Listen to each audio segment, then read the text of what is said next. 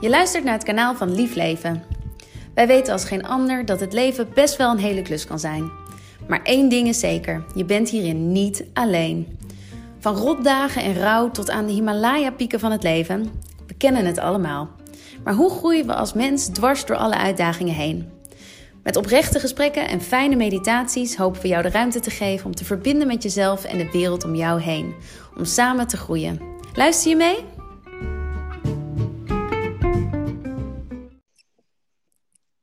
We leven in een tijd van verandering. Het coronavirus daagt ons iedere dag uit om met deze verandering om te gaan. Juist als we met tegenslag te maken krijgen, kan dit een goede oefening zijn in veerkracht. Vandaag spreken we een van de meest krachtige vrouwen die ik ooit heb ontmoet, Annemarieke Driessen. Op haar 24ste leefde ze nog in de bloei van haar leven als ondernemer met een superactief leven. Niet wetende dat haar leven een jaar later een compleet andere wending zou krijgen. Annemarieke is voor mij het ultieme voorbeeld van veerkracht, wilskracht, eigenlijk alle kracht die je maar kan bedenken. Um, met haar optimistische en nuchtere, vooral supergedreven levenshouding. Zo runt ze een ontwikkeld bureau voor persoonlijke impact en is ze te boeken als spreker. Annemarieke, welkom. En zou je ons mee willen nemen naar jouw 24ste, 25ste levensjaar? Uh, hi, Nanne.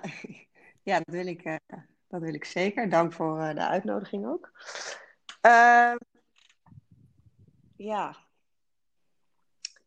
Um, 24 jaar was ik en nou ja, zoals je ook al aangaf, eigenlijk in de bloei van mijn leven vol energie en, en vol plannen.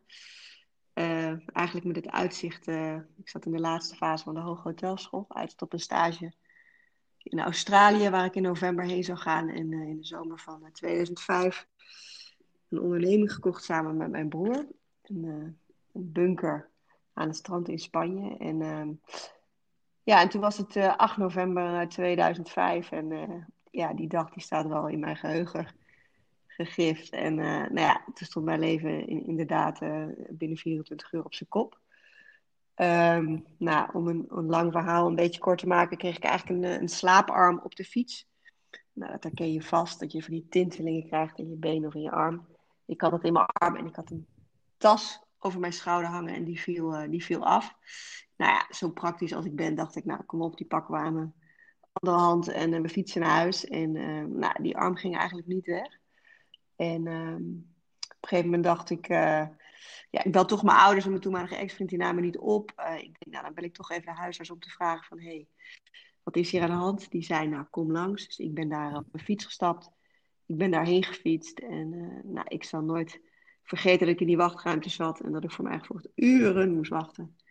Binnenkwam bij de huisarts en die vroeg mij om een aantal oefeningen te doen. Het was een vervangende, plaatsvervangende huisarts, dus ik deed een aantal oefeningen. Hij zei, kun je je arm eens vooruit doen? Dus dat deed ik braaf. Wil je even je, nou, je wijsvinger naar je neus doen en zo nog een aantal oefeningen of vragen. En um, nou, dat deed ik. En toen zei hij van, nou, ik zie het al, je hebt acute spit. Nou goed, ik ik denk één of twee keer eerder bij een huisarts geweest. En uh, ja, ik, ik ga dan een soort van uit van de kunde van de professional natuurlijk. Dus ik dacht, nou oké, ik heb acute spit. En toen kwam ik uh, na het ophalen van medicijnen thuis en uh, ging ik op bed liggen. Mijn moeder is intussen gekomen. Nog wat vers fruit gegeten. En ik ga in bed liggen met ehm, die ontstekingsremmers. En ik moet denk na een half uur moet ik naar het toilet. En ik, wil, uh, ik schuif naar voren in mijn bed en ik wil omhoog komen om naar het toilet te gaan. En ik zeg tegen mijn moeder, mam, ik kan gewoon niet meer op mijn benen staan. Dus mijn moeder zei, ja, kom aan, ik geef je even een wippie en uh, het lukt dan vast. Nou, dat lukte niet. En toen lag ik uh, eigenlijk ja, binnen no time in het in het Universitair Medisch Centrum in Utrecht. En, uh, Jeetje. Want ja. wat ging er op dat moment door je heen dat je niet uit bed kon komen? Had je nog steeds de gedachte van spit of had je gelijk het besef, dit is iets veel groters? Ja, dat vind ik altijd een lastige vraag, omdat ik dat, ik kan dat zelf gewoon niet meer helemaal reproduceren hoe ik me, dan, hoe ik me toen voelde, omdat het ook een soort van ja, het is, het is zo'n uh, groot iets waar je helemaal niet bij kan van wat het dan is of wat het zou kunnen zijn. Dus ja, een soort van onbegrip, uh, dat was het meer.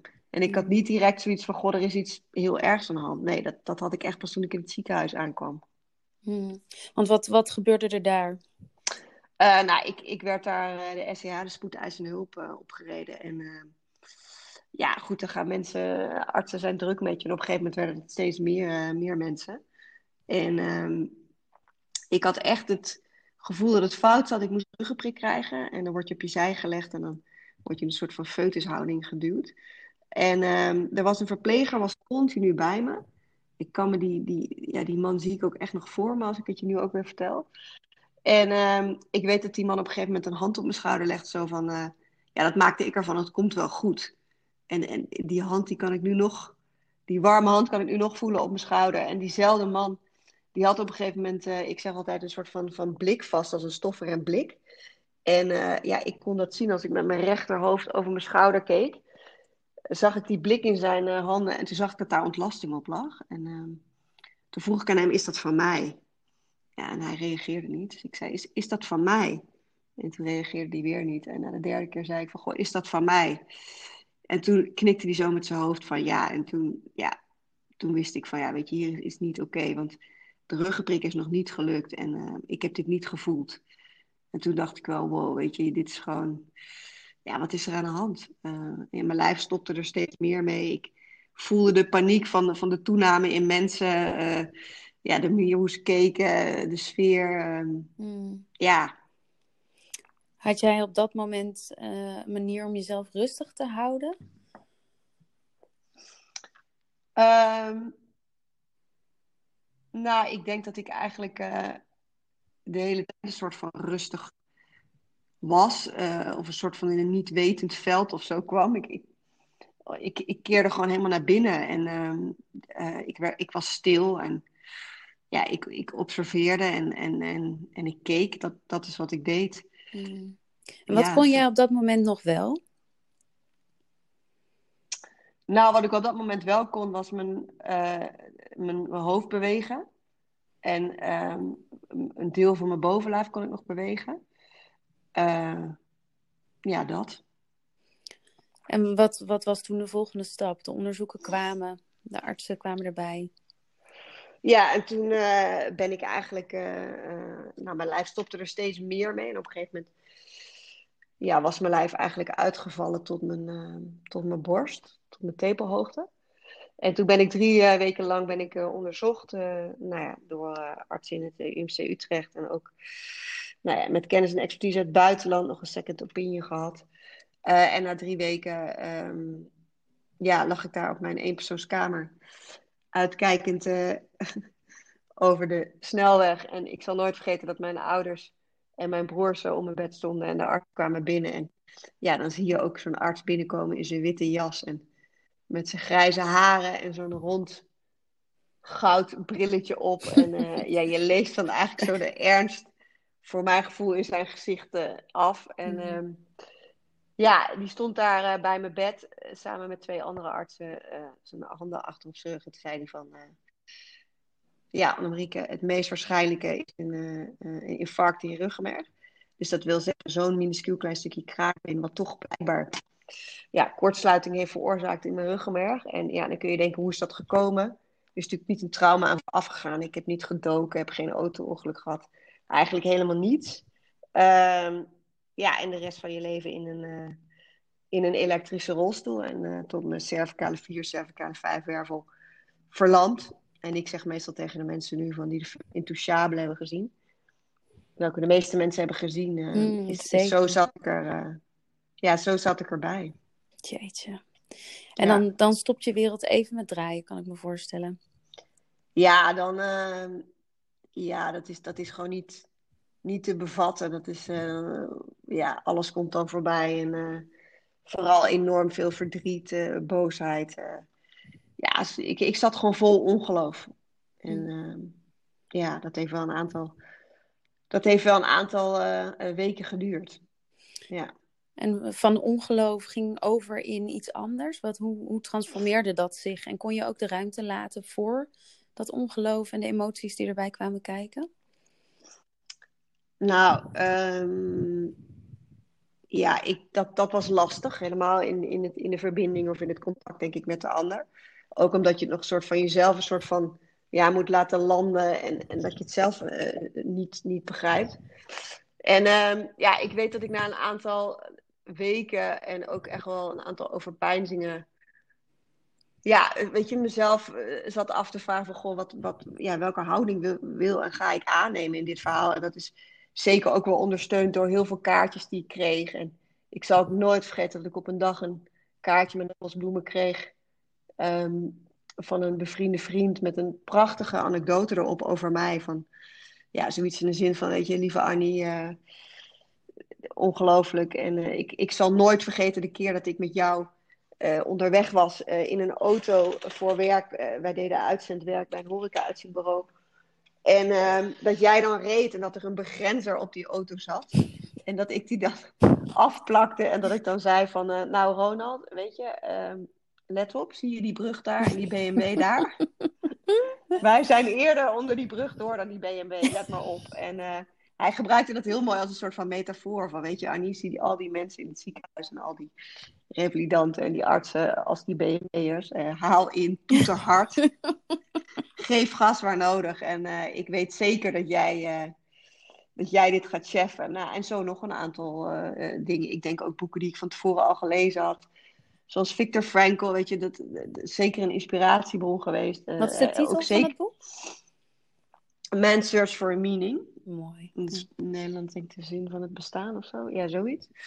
Nou, en ook Pipi Langkous, van ja, als je nog nooit gedaan hebt. Ja, echt. Weet je, dit soort grootste dingen feminist die we kennen eigenlijk, hè? Gewoon, Ja. go get him.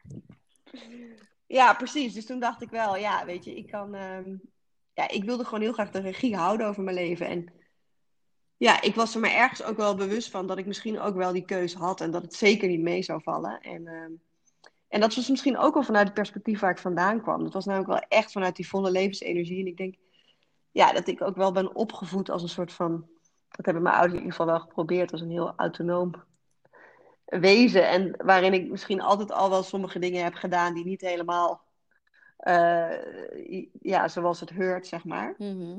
Ehm, ja, dus ik dacht, ja, ik, ik, ik wil toch proberen om weer te gaan lopen. En toen heb ik eh, mijn familie eh, gevraagd om om mijn bed te komen. En toen hebben we een eh, contract gemaakt. Ja, echt heel... Geweldig. ja, ik moet er nu echt heel hard om lachen. Waar we zelfs, dat ik het een jaar zou geven en als het me niet zou lukken, dan ehm, zouden we een hele grote vuurpaal aan mijn billen stoppen. En dan zou ik de lucht in gaan en dan zouden we nog een feest geven. Met een diner met al mijn lievelingseten hadden we ook helemaal uitgeschreven. En ja, goed, je wordt natuurlijk ook een beetje gek misschien. Of een beetje... Maar dat was voor mij een soort van houvast. En ik, ik, ik weet dat de arts dan ook zei, ja, Annemieke, dat kan niet. En het is onmogelijk. Ik zei, weet je, het zal zo zijn. Maar dit is gewoon wat ik nodig heb op dit moment. Ehm, Want Dus- dus- de verwachting die aan jou werd afgegeven was eigenlijk: je gaat niet meer kunnen lopen of buiten een rolstoel kunnen functioneren. ja, nee, nee, het scenario was wel een elektrische rolstoel. En ehm, ja, dat was wat ik te horen kreeg. De rest van je leven een elektrische rolstoel. En eh, je bent nu in het, in het, eh, in het eh, we liggen nu in het ziekenhuis en we gaan daarna mag je, of ga je naar een revalidatiecentrum. En ehm, ik zou het beste tot mijn recht komen in Utrecht in de Hoogstraat. Ik wilde heel graag naar Zwitserland toe en dat was meer vanwege het feit dat ik, ja, ik, ik schaamde me ook en ik, ik, ik wilde gewoon het liefste heel ver weg van de wereld om, om mezelf niet te hoeven laten zien. En Toen, hoe ging je uiteindelijk om met die schaamte dan? Want dat lijkt me onwijs moeilijk. eh. Ja, nee, dat, dat is het ook. Ik denk dat ik, weet je, ik heb bepaalde competenties in me, zeg ik altijd.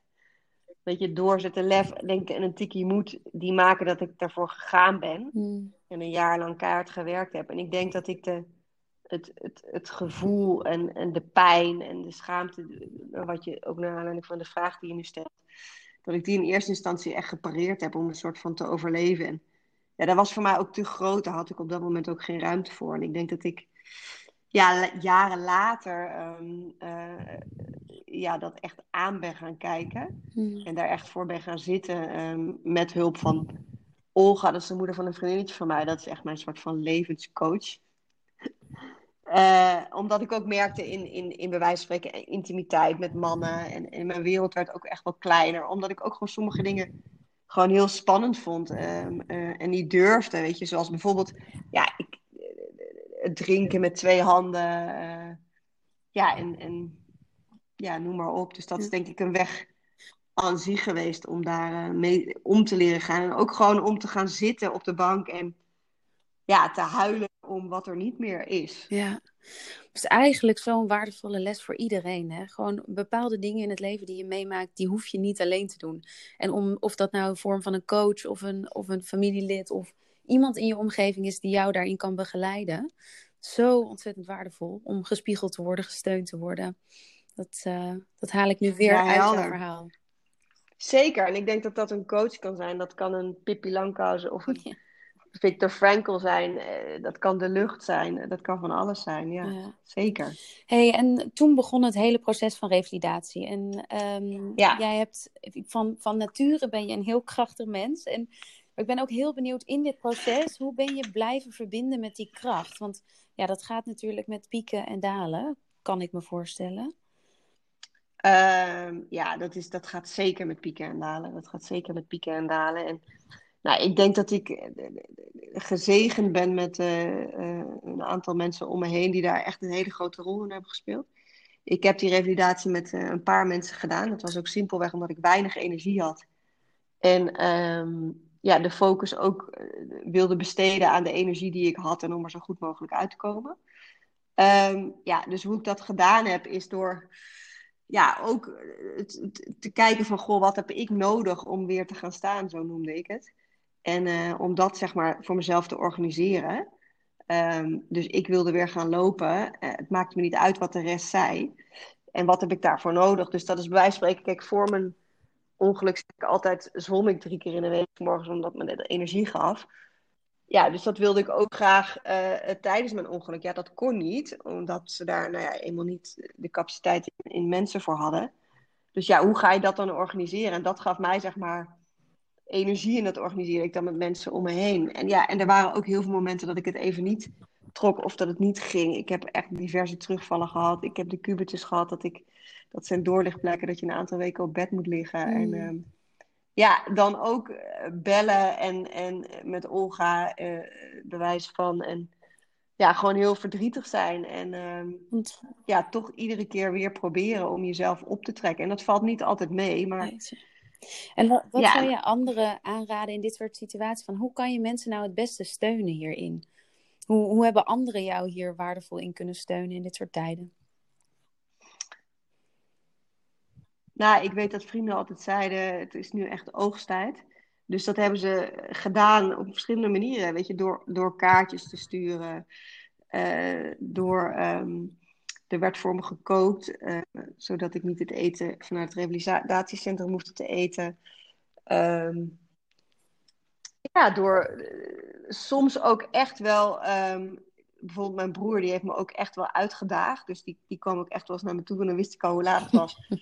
en dan zeiden ja, Anne, weet je, we zijn nu allemaal heel erg lief voor je. En dat snap ik ook, want weet je, ik diep, diep respect voor waar jij nu staat en, en wat je te doen hebt. En ik weet dat je het kan. En tegelijkertijd als jij dadelijk naar huis gaat en je wil weer je eigen cappuccino leren zetten, dan snap je, dan zullen we ook moeten kijken hoe we dat kunnen faciliteren met z'n allen.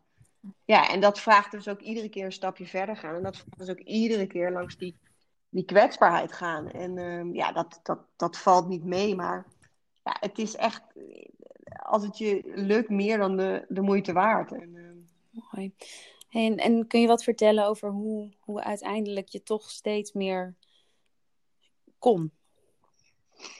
Ja, um, ik ben uh, eind december ben ik, uh, 8 november is gebeurd, eind december ben ik naar Revalidatiecentrum de Hoogstraat gegaan. Daar uiteindelijk toch voor gekozen voor het sociale component, waar ik achteraf echt heel erg blij mee ben.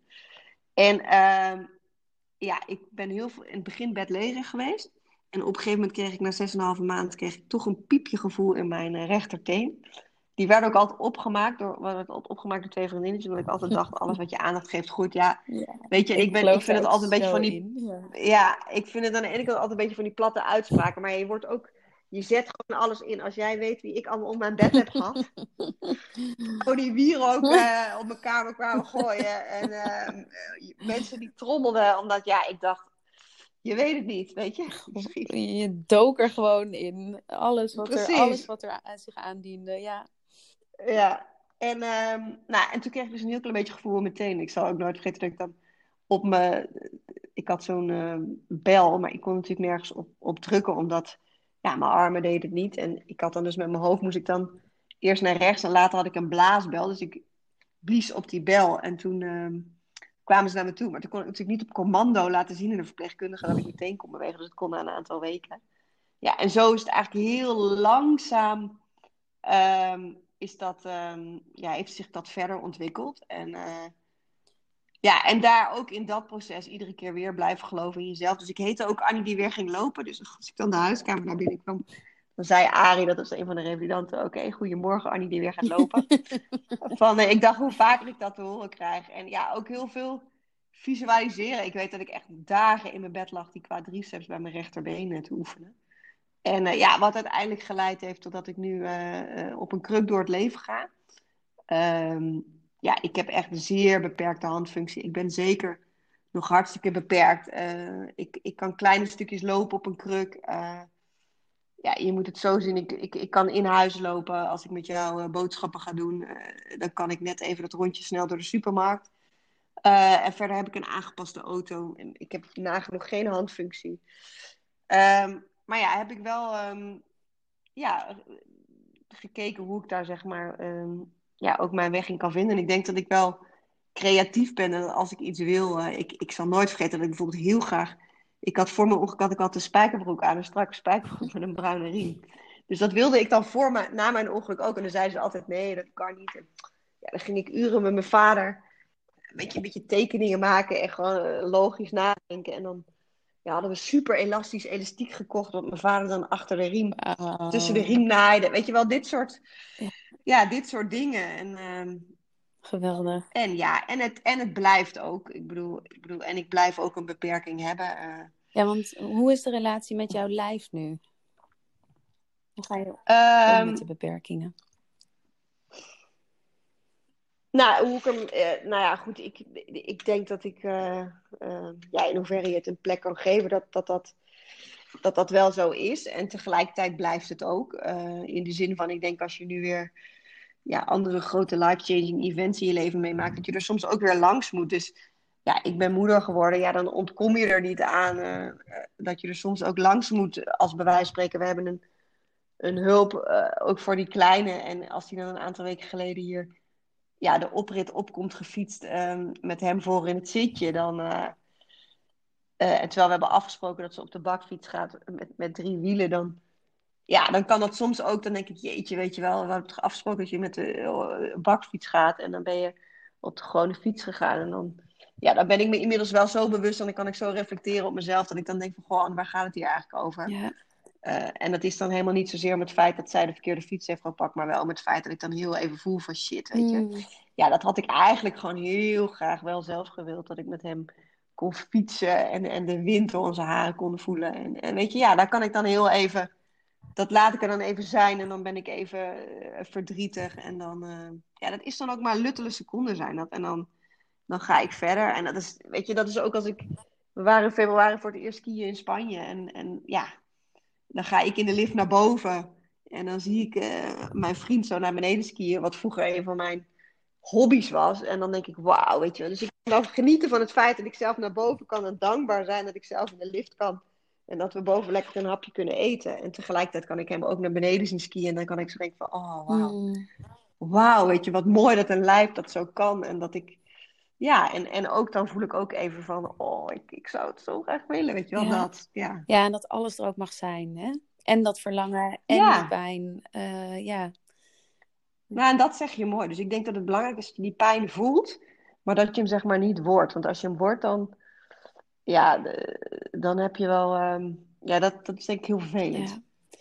Hey, en ehm, we komen een beetje richting het einde, maar deze tijd zal jou, zal jou eh, boeken en lezingen aan lessen hebben gegeven. En je hebt ook echt al heel veel daarvan met ons gedeeld. Maar toch, als je één, ja, de meest waardevolle les die deze tijd jou heeft geleerd, wat, wat is die les? En, en zou je die aan ons door willen geven? Ehm, nou ja, dat is denk ik dat, ik mijn, dat mijn snelheid verloren is gegaan.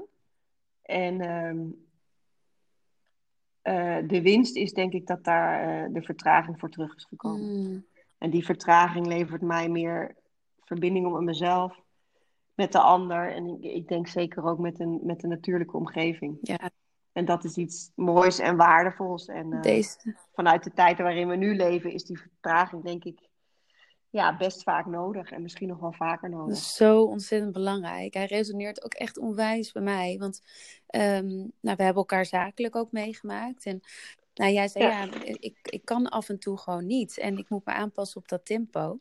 En dat is zo'n waardevolle les voor mij. Want ik, ik ga vaak uh, tien keer over de kop. En, en echt niet ten goede van mijn business en van mezelf.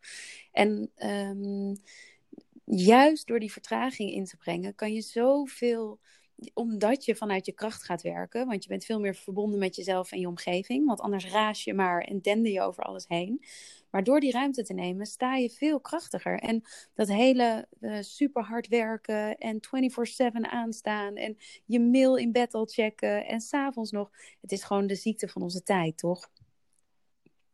Ja, en ik denk ook, ook op, ja, precies wat jij zegt. En in, in werkgebied zie ik ook hoe die, hoe die vertraging zeg maar, bij kan dragen aan het bereiken van een doel beetje duurzaam voor jou en de organisatie. Dus dat is een win-win. Ja, en soms, weet je, moet je daarvoor ook uh, ja, de, eerst even tegen lampen aanlopen voordat je, voordat je wakker ja. wordt. Ja, dat, uh, ik bedoel, dat heb ik ook vaker, vaker meegemaakt. En als ik nu gewoon te snel ga, dan ja, dat, dat, dat moet ik gewoon voorkomen. Het is wel heel mooi dat je zegt wakker wordt, want jouw bedrijf heet Wakker.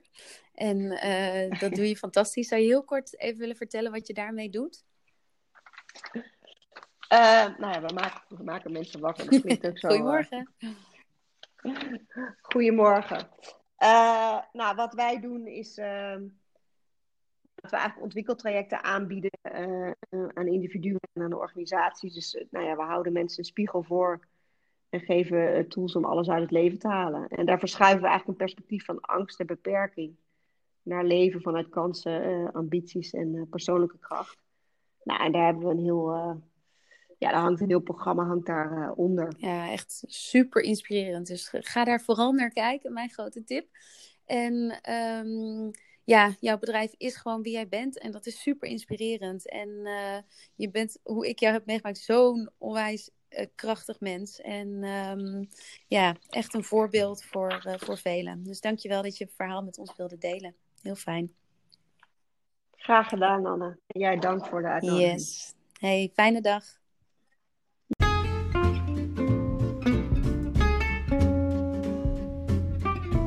We hopen dat je het leuk vond. Mocht jij nou een inspirerend verhaal hebben dat je wilt delen, stuur dan een mailtje naar groei@liefleven.com. En als je verder geïnteresseerd bent om nog verder te groeien als mens, kijk dan vooral eens naar onze groeiprogramma's op liefleven.com. Mooie dag!